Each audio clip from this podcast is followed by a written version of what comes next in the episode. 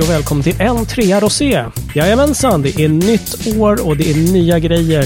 Whisky känns väldigt 2020 och 2020 vill man ju helst glömma så att nu kör vi på en ny dryck helt enkelt. Vi kör på rosé i år och Mattias och David, vad har ni för härligt pärlande rosa i glaset just nu? Alltså, jag har faktiskt ingenting i glaset förutom vatten. Jag har inte hunnit eh, liksom, införskaffa någon bra rosévin eh, i år ännu. Och dessutom ska Nej, jag upp nej. skittidigt imorgon bitti, så jag tänkte att eh, jag håller mig till vatten idag. Men, eh, men David kanske har något kul. Ja, jag har en eh, Moga Rosado 2019. Bärig, mycket frisk eh, smakdoft med inslag av smultron, röda vinbär, hallon, örter, rabarber och citrus. Ehm, faktiskt. Jag tycker den här känns som att den kan serveras vid 8-10 grader som sällskapsdryck eller till fisk och kyckling, gärna sallader. Nej, jag tycker 4 till 6 grader, annars får det vara... Jag vet inte varför, men det känns som att du sitter och läser innantill på Systembolagets hemsida. Ja, snabb, ja. snabbsurfat ändå. ja, faktum är att det var ju faktiskt min, det var ju faktiskt min fru som frågade, jaha, vad ska ni köra för spritdryck den här, det här året då? och då är det så här, ja, fan en trea brandy kanske. Eller något. Precis. Och Mattias, din tjej som var så här, jag tycker vi kör rosé. Vi ska Japp. köra rosé. Det lät ju underbart. Men inte Absolut. sant. Nej, Det ska vi inte göra. Vi ljuger. Nej. Vi ljuger, vi ljuger. Så hästarna travar. Ja, Så det är så. Men Mattias, du står kvar. Du har ingenting i glaset för du ska Nej, jag har faktiskt inte. Den delen var sann. Jag har bara vatten idag för att jag ska upp eh, okristligt tidigt imorgon bitti. Så att jag eh, softar lite. Ja, även jag ska väl upp så här tidigt. Var, de på jobbet var lite så här, ja men vi kör väl möte vid åtta imorgon. Jag var så här, Åh. Vänta. Jag vill köra 8 och 15, lite sovmorgon kanske. Man är Ja. inte van, vi har vänt på dygnet helt här borta. Ja, men skojar du? Så att, eh, mm, Men ja. är det alltså så att det är ingen som har något i glaset? För jag har bara en jättemugg med Earl Grey. Jag har precis kört bil från Örebro till Farsta och precis, precis bara kommit hem, packat upp de här grejerna och bara är, är ganska trött och var så här, nej, ingen whisky nu. Så vi Ja, tre, vad är vi Nej för då. poddare? Jag har min gamla klass, eh, trogna blend Langs Superior här, femåringen. Som eh, Ja, det är bra. omkring här i mitt glas lite grann. Ja, det är Du bra du håller Jag håller fanan högt. uppe. Ja, Eller hur? härligt. Jo. Yes. Underbart. Däremot så tänkte jag faktiskt att vi skulle hänga kvar lite grann i det vinösa eh, språket här faktiskt. Trots att vi ska snacka whisky. Ah, Vinös, är det ett så här nyord 2021? Nej, nej. Nej, nej, jag tror inte det. Jag tror inte det. Vinösa toner, alltså kom loss Finns det? Mattias. Okej. Ja, ja, visst. Ja, ja, det är ju 2017 åtminstone. Liksom. Ja, okej, lätt. Det är ju Hallå. asgammalt. Ja, precis. Sorry. Nej, men faktum är att eh, jag tänkte att vi skulle prata om någonting som jag tidigare bara har förknippat med vin. Och nu är jag ju inte skitduktig på vin. Men visst fasen snackar man om terroir när det gäller viner. Eller hur? Det känner Ja. ni kanske igen. David Ja, nickar, ja. Mattias ser glad ut. Nej. Ja. Men eh, terroir, ja precis. Underbart att ha dig här också min vän. Men terroir kan man alltså även snacka när det gäller whisky och då är det ju frågan, terroir vad det gäller vin är ju jordmån va? Eh, tror jag. Var druvorna växer och så vidare. Vad tusan skulle det vara i, eh, i whiskyhänseende då? Det är ju då alltså var eh, ekfaten växer. Mm. Intressant. just var ekfaten växer. Ja, men är det inte så? Det är så här, från, från de här träden som Ferdinand sitter under, den där korkek, korkeken. Där, Ja, där finns det. väl ekfatsträd. fateken. mm. Nej men eh, David, David, har du någon terroir-koll här tänkte jag säga?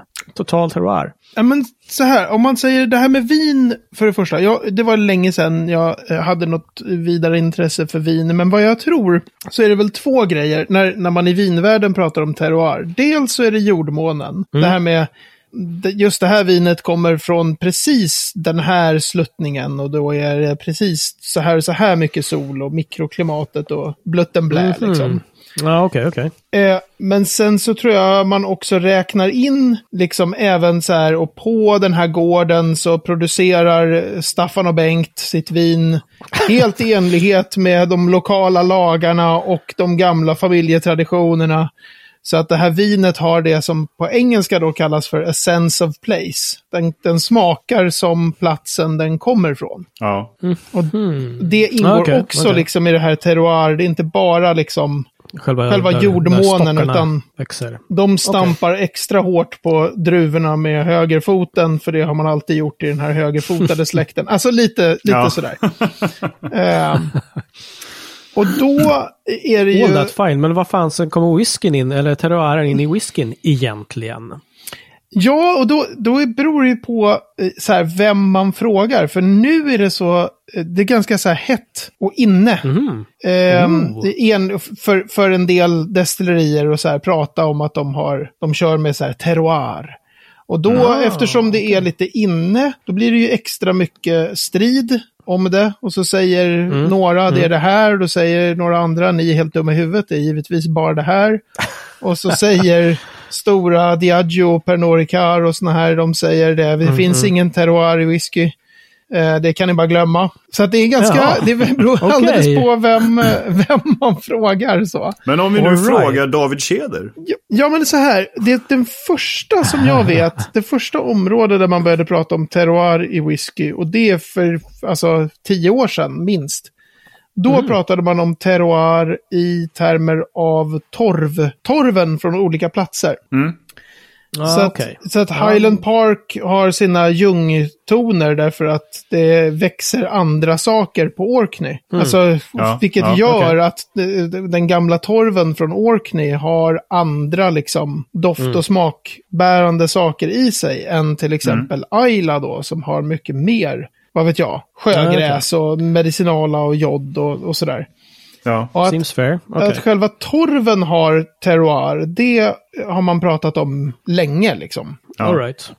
Men Eh, att översätta det rakt av då till att whiskyn har det, det är väl kanske ja, en beståndsdel av whiskyn har terroir. Ja, ja men men- precis. Och då, det är ju inte det som är mest diskuterat nu, utan nu är det ju de destillerier som mer trycker på varifrån kornet kommer. Just det. Mm. För det, det skulle man ju kunna tänka sig att det har någon slags, åtminstone en marknadsföringsmässig liksom, eh, intressepunkt. Liksom, att det här har vuxit på Cornwalls södra åkrar, eller vad fan vet jag. Nej, men eh, du vet. Man skulle kunna tänka sig att läsa någonting sånt i alla fall. Att, Södra åker. Ja, men- de norra höger, åkrarna ger ju givetvis helt värdelös whisky.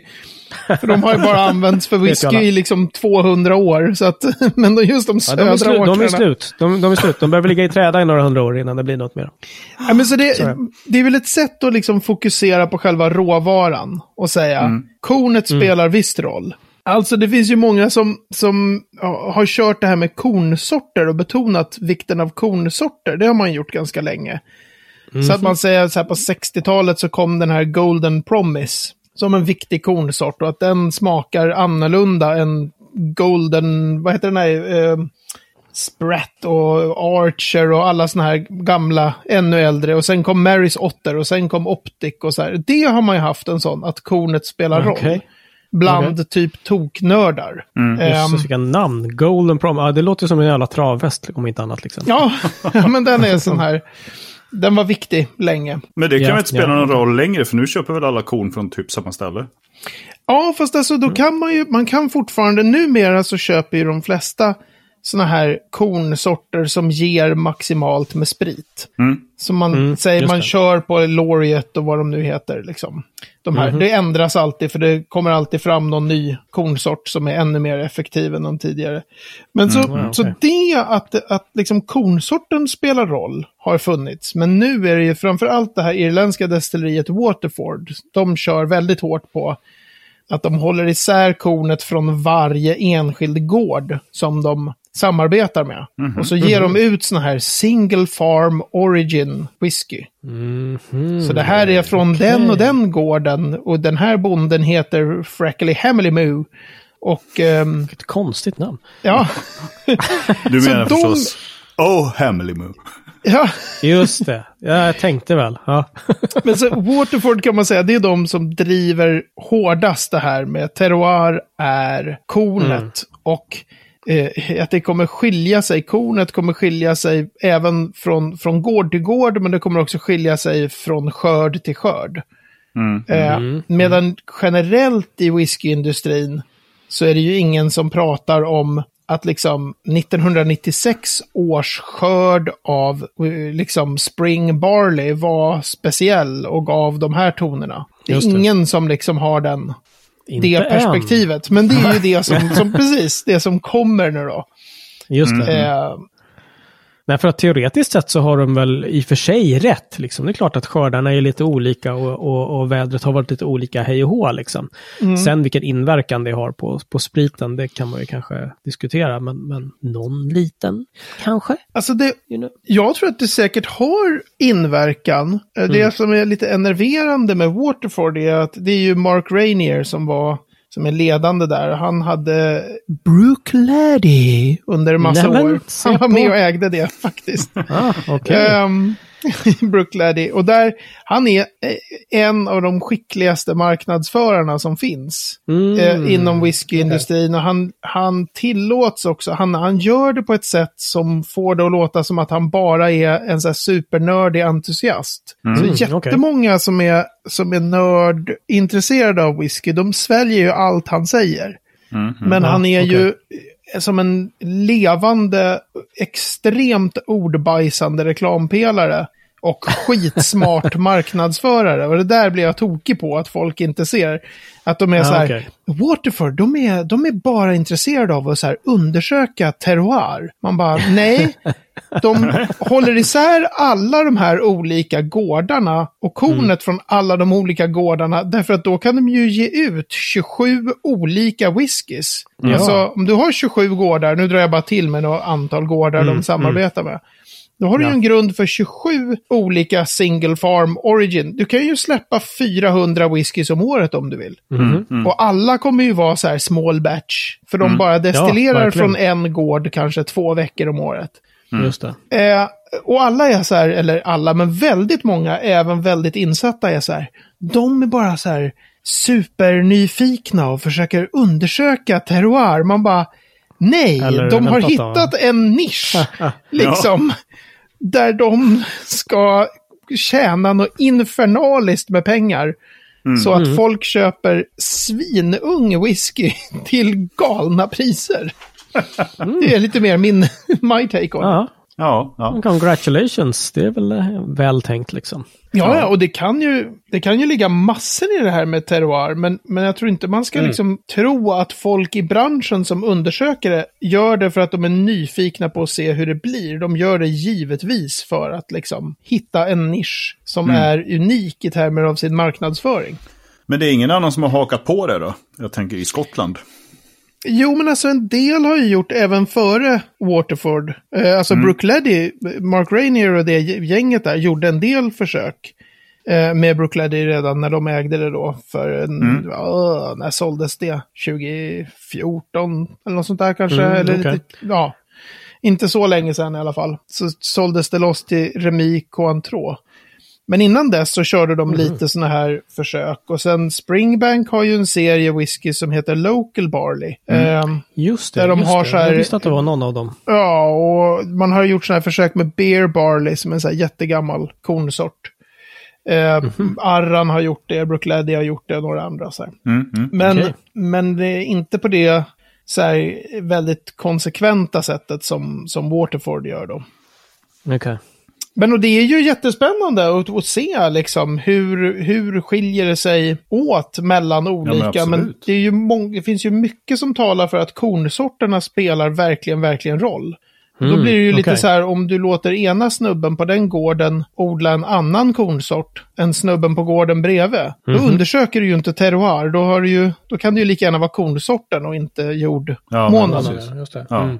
Dessutom med Waterford så är det, slänger de ju ner spriten i så här ny ek och sherryfat och så här jätteaggressivt aktiva fat. Ja, ja. Då blir man Okej. så här, hade ni verkligen varit intresserade av att undersöka terroir, då skulle ni ha lagt allting i typ second filled bourbon hogsheads som inte är så Ja. aggressiva. Mm, mm. Som verkligen skulle ha behållit liksom mycket av spritkaraktären. Men det gör de men det här- inte för fem öre liksom. Nej, nej. Men är det för att de är, är de nystartade? De Waterboard, är va, eller? nystartade, ja.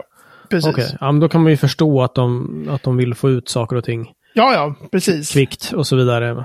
Men eh, så småningom så hoppas man att de gör som du säger, att de lägger det på lite... De har, de har, fat Verkligen någonting, testar, liksom. testar på riktigt. Det skulle vara kul att smaka om inte annat tycker jag. ja, och de har säkert massor med sådana fat också. Men det är bara, jag ruttnar lite på att så fort det pratas terroir i whiskyvärlden så, så målas den här Mark Rainier fram som någon slags liksom, idealistisk ängel. Och Jag blir lite så här, "Nej, men vad fan, då skulle han väl inte hälla in spriten på liksom fat av fransk nyek. Och så sitter alla och bara, det här är verkligen terroir. Eh, nej, fat av fransk nyek är banne mig inte att undersöka terroir på Irland. liksom, vad fan. Men i övrigt då, har vi, nå- har vi någon historia om, liksom, ja, men du, du nämnde just att Bruichladdich och, och andra har provat med lokal just, lokalt just korn från, från single farm och sånt där. Det har väl hört, det har väl hört någon gång förut i alla fall tycker jag, eller? Ja, alltså jag vet Springbanks Local Barley eh, har ju betonat det och sen så ser man om man tittar på detaljinformationen om de där whiskyerna så står det det är från den och den bonden eller den och den Ah. gården sådär. Okej. Eh, Kilhoman har ju eh, väl köpt en gård va, så att de numera, de är en sån här eh, farm distillery säger de då, single farm distillery, fast de har ju även väldigt mycket som de köper in. Sen finns det ju jättemånga som har det här, vi odlar vårt eget korn. Mm, alltså nya små destillerier, Daft Mill och Balindallock och sådana där. Men de har inte pratat så mycket om just terroir, utan då har det Terroir, mer nej. varit grejen att så här, vi, vi gör allt. Från, Ja, okej. från odlandet till flaskan typ sker på det här lilla destilleriet. Okej. Du, hur ser det ut i Sverige då? Vad, vad får liksom de här destillerierna sitt, sitt korn ifrån? Är det liksom svenskt eller är det liksom importerat? Eller har vi någon koll? Alltså det är väl från ett gäng olika källor. Många av dem, om man tar Smögens rökiga eh, whiskys, utgår jag från att han köper från Port Ellen Maltings, alltså från Ayla. Mhm, Eh, okej. Jag vet många över hela världen köper sin, sin rökiga malt från Port Ellen Maltings. Så Okej. det är liksom Ayla-torv. Ehm, Mm. Mackmyra har ju kört mycket på det här med att de ska vara en svensk produkt. Ja, just Så de eh, utgår jag från att de bara har svenskt korn. Det skulle Mm. förvåna mig om de inte säger, om de har, köper från andra håll. De har ju även det att den här, den, eh, de använder svensk torv och sådär. Och en, Ah, sen okej. använder de ju enris också, som en väldigt så här, extra svensk grej. När de Ja, torvröker så lägger de enris ovanpå, så det ska bli en annan touch av. Jaha, okej. Ehm, Roligt. Men som, eh, åh, eh, vad heter de nu då? High Coast vet jag köper ju också från ett gäng olika håll. De har även någon sån här grej, såg jag, något sån här samarbete på gång med någon, någon gammal svensk eh, kornsort som de ska Mm. odla.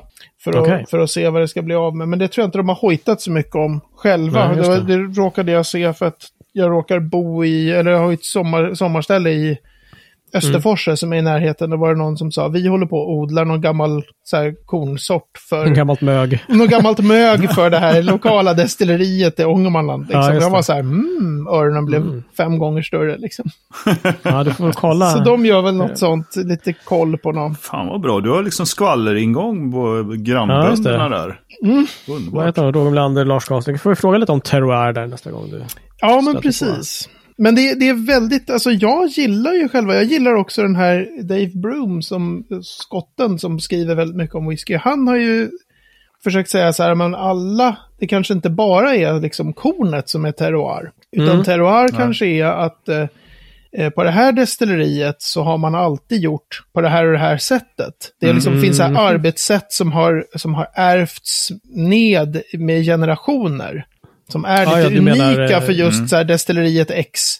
Vi minsann brukar alltid så bara är det någonting som just de gör och ingen annan. Och då menar han att det här är ju liksom att det är, har, att whiskyn har a sense of place. Ja. Just det. Kommer från just det här stället. Men det har jag ju lärt mig att det kallas ju för destillerikaraktär. Bra där Mattias. Jo, men destillerikaraktär. Två avsnitt sen eller någonting sådär. Men jag tänker så här, Ja. destillerikaraktären kan väl vara så här, egentligen vilken som helst, bara man känner att det är så här, men typ High Coast, de brukar smaka Mm. så här. Medan det här sense of place-grejen, då är det Ja. liksom någonting som ska kunna kopplas till att just på High Coast så gör man blutten eller blitten eller blatten eller ditten. Så Ja. de här terroir-grejen, om man kan jättemycket om vin, Mm. då kan man ju hälla upp två viner och så veta massor om vinerna. Så kan man säga så här, den här doftar och smakar mycket mer av sin plats än vad det här Mm. vinet gör. Ja. Inte vet jag hur okej. man kan liksom... Nej. så här, Nej, Nej. Den här har mycket Nej, men jag mer. menar bara det, alltså, det Mm. du säger nu, det ger ju en destillerikaraktär. Ja, ja, visst. Just det. Alltså att om, Ja, men det kanske om vi, då- Ja, Golvmältar själva. ja, precis. Eller någonting. Ja. Mm. Absolut. Eller vi vrider på den här kranen före vi vrider på den här kranen. Med Ja, och det har vi alltid gjort. Det vet vi inte riktigt varför, men det sa förra snubben som jobbade här. Alltså, Broom har skrivit mycket om det där. Just att Ja. en, en hel del konstigheter på en del destillerier kan vara Det sådär. är som så här elitidrottsmän som bara säger, "Men jag satte alltid på högerdojan före vänsterdojan. Precis, Just det. Ja, lite så. Med, medan jag visslar oa hela natten. ja precis. Ja, Ren och skär vidskepelse alltså. Ja, Jajamän, precis. totally. Terroir eller vitskepelse? Mm. You Ja. decide. Sweet. Vi är framme vid veckans första ord för 2021. Mattias, vad är det vi ska få reda på här då? Du, jag hoppas att vi ska få reda på någonting som jag inte har någon susning om vad det är. Och det är ett ord som heter subcooler. Alltså jag vet ju hur man ska eh, översätta det, men vad innebär det i eh, den här kontexten som vi drar oss Du in? kan vara en subcooler. Nej, Ja, det kan jag inte. vara kanske. För att det är kallt i mitt rum, men... Ja, just det. Är du kall om fötterna, då är du en subcooler. Nej, Ja, just det. Jag, jag tycker det här är så underbart, för det är så uppenbart att så här, Mattias har varit inne och petat i mitt bokmanus och, och jobbat med att sätta den där boken. Därför att Nej, ni skulle, nej, så är det inte ni skulle Vänta, alltså, aldrig vänta. någonsin Jag ha hörde det kunnat på stan. stöta på. Nej, det är det jag menar. Men så här, jag stötte på subcooler, man bara nej. Jag var ute och gick här i Årsta, så var det en snubbe som sprang fram till mig så här. Du! Kan inte ni ta upp det här ordet i eran podd? Subcooler, vad fan är det? ja just det. Jag svär, det var så. Ja. Ja. Mm. Ja. Alltså jag, jag tycker vi ska, ha en, vi ska ha en utmaning till våra lyssnare sen. Så här, om, om någon, helt så här, handen på hjärtat, hade någon, ett, hört talas om det. Två, hade någon som helst aning om vad subcoolers var. Och tre droppat i samma mening som terroir. Ja, precis. Det är verkligen, nu är vi på någon slags så här beyond, beyond the ultra nerd of the nerd nerds. Det är liksom subcoolers. Okej, vi har ju pratat förut om kondensorerna. Det kommer Ja. ni ihåg. Skalrörskondensorer och wormtubs har vi pratat om väl? Ja. Måste vi ha gjort. Ja. Okej. Då är det ju så här att i de här skalrörskondensorerna, som är det vanligaste, som är de här långsmala liksom, kopparrören som har små rör inuti sig, och sen så ska, där man ska ha massa kallt vatten som åker, som ska kyla ner ångorna från destilleringen så att ångorna blir till sprit. Det är ju liksom kondensorens, liksom kondensorns, eller kondensorens, kondensorns? Kondensorns. kondensorns eh, arbetsuppgift. Men då är det ju också så här att det är ju sjukt varmt, det där, de där ångorna som kommer in i skalrörskondensorn. Och då kan man också samtidigt använda sin skalrörskondensor lite som en värmeväxlare. Det vill säga, man kan använda den för att utvinna massa värme. Mm. Alltså okej. inte kyla ner den så här superduper duper mycket, utan köra kondensorn ganska så hett. Få ut massa värme ur den och använda den till exempel för att, vad vet jag, värma mäsken till mäskpannan eller vad som helst. Jag vet inte hur det här funkar med värmeväxlare, men det är liksom ett, man använder kondensorn som framför allt en värmeväxlare. Då kommer ju, okej. då kommer det fortfarande vara brutalt, det kommer fortfarande liksom att ha kondenserat i skalrörskondensorn till vätska, men det kommer vara alldeles för hett. Det här kondensatet, det vill säga spriten. Oh. Ja, ja, ja. ja. Så under skalrörskondensorn följer en till kondensor som är byggd precis som en inverterad skalrörskondensor. Det vill säga, det är istället för ett rör av koppar med massor små kopparrör i så är det ett rör av stål. Men jag tror fortfarande att de små rören inuti är av koppar. Och där kondenseras ytterligare de varma vätskorna. Detta, mina vänner, som ligger där under skalrörskondensorn, ofta horisontellt vinklad, är en subcooler. Mattias Alltså. ser helt chockad ut. Och inte Wow. nog med det, de kallas också för aftercoolers. Alltså, jag tror att du, någon du får som har- torka rent både tangentbord och skärm hos dig. Dessa subcoolers slash aftercoolers finns på ett gäng. De finns på Tomin Towel och Lafroig är de enda jag kommer på nu i, direkt från huvudet. Men eh, det är ingenting som liksom guider brukar bara, och vi har dessutom sådana här. Enda anledningen att jag har fastnat för att de ens existerar är ju för att den här Ingvar Röndes Malt Whisky Yearbook, Mm, just det. Just det. där skriver han ju alltid så här, det här destilleriet har en full lauter mash tun, six wooden washbacks and uh, two pairs of stills. Så skriver han så för alla destillerier, precis Ja. vad de har liksom. Ja. Och då har det ibland stått på några destillerier så här, with aftercoolers. Uh, och jag har Jaha, då bara, okej. vad är det här? är det? så det är så här, här finns ett ord. Och bara, men här står det ju subcoolers. Bara, ja, in och fråga i någon nördig whiskygrupp. Vad är det här? Okej. Ja. Så det är typiskt, Underbart. eh, det är nog inte så många som eh, vet vad aftercoolers är. Eller Men nu- har vi ett gäng till. nu, Ja. är, nu, är vi, nu är det dags, nu kommer det här dyka upp på typ alla whiskyquiz i Sverige.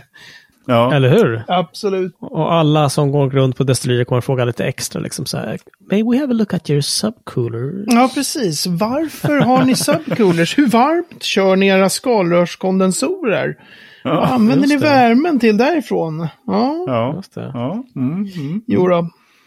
Ja, det- Jag gillar, jag gillar att det skulle att det var veckans, veckans ord. Det var liksom nerd beyond the nerd. ja, men vi sätter ribban högt för 2021. Ja, verkligen. Det är så Ja, här, nu har vi alla nya lyssnare som inte har lyssnat på tidigare avsnitt. De är nu så här, that's it, den här skiten ska jag aldrig lyssna Helt på brända. mer. De snackar rosévin, de snackar subcoolers. Never again. Precis. Jävla idioter.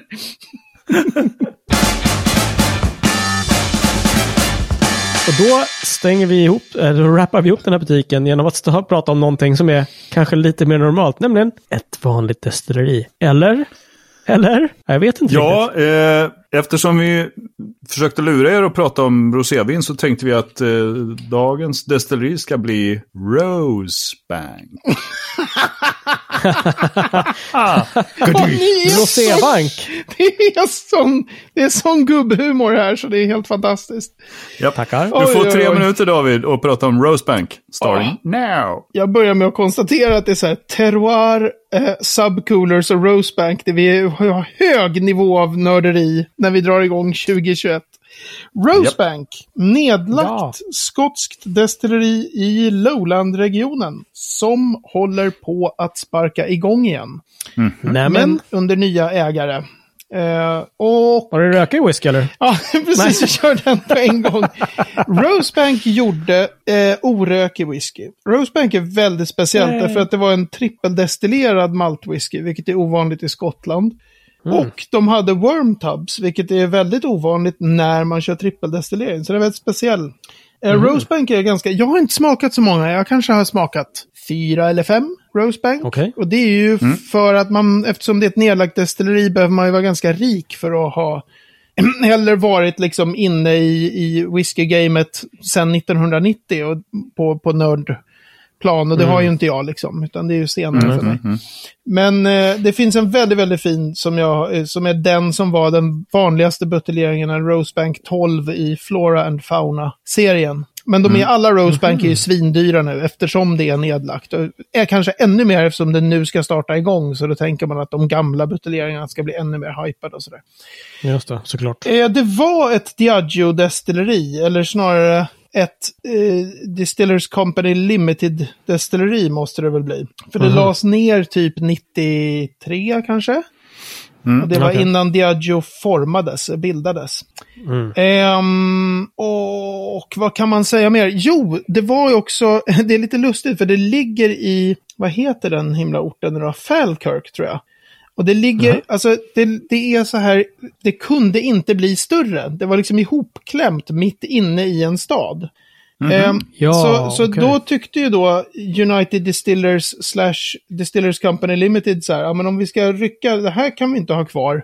Det här destilleriet, Mm. för vi kan aldrig göra det större. Just det. Eh, och det var, hade något av ett sån här cult following redan när det fanns. Så det var en sån här eh, allmänt erkänt väldigt, väldigt bra maltwhisky. Så det, det finns en hel Mm. del sån här bitterhet över att bara för att det låg där det låg lades det ner. Inte liksom för att så här, nej, det här var för, det var för Gick med dåligt. förlust eller eller så. någonting. Ja. Ja. Eh, just det, grunda ska man prata om. Eh, Rosebank grundades... Eh, förut sa de någon gång på 1700-talet, sent 1700-tal. Numera så säger de 1840. Alltså har jag rätt på den, då vill jag, då vill jag ha pengar. 1840 kanske. Nu är det tre, tre minuter. Men du, jag, måste, jag fick en fråga i skallen. Den här Flora and Fauna-serien. Den finns det ju fler som har, Flora and Fauna-serien. Ja, eller? alltså det var ju United Distillers, alltså en del av Distillers, Distillers Company Limited som var en del av det här. Förelöparen till Diageo kan man säga. De skulle Mhm. Eh, ge ut liksom alla sina destillerier var tanken, som singelmalt. Och då gav man ut dem i Jaha. en serie som fick namnet sen, Flora and Fauna. Ehm, Okej.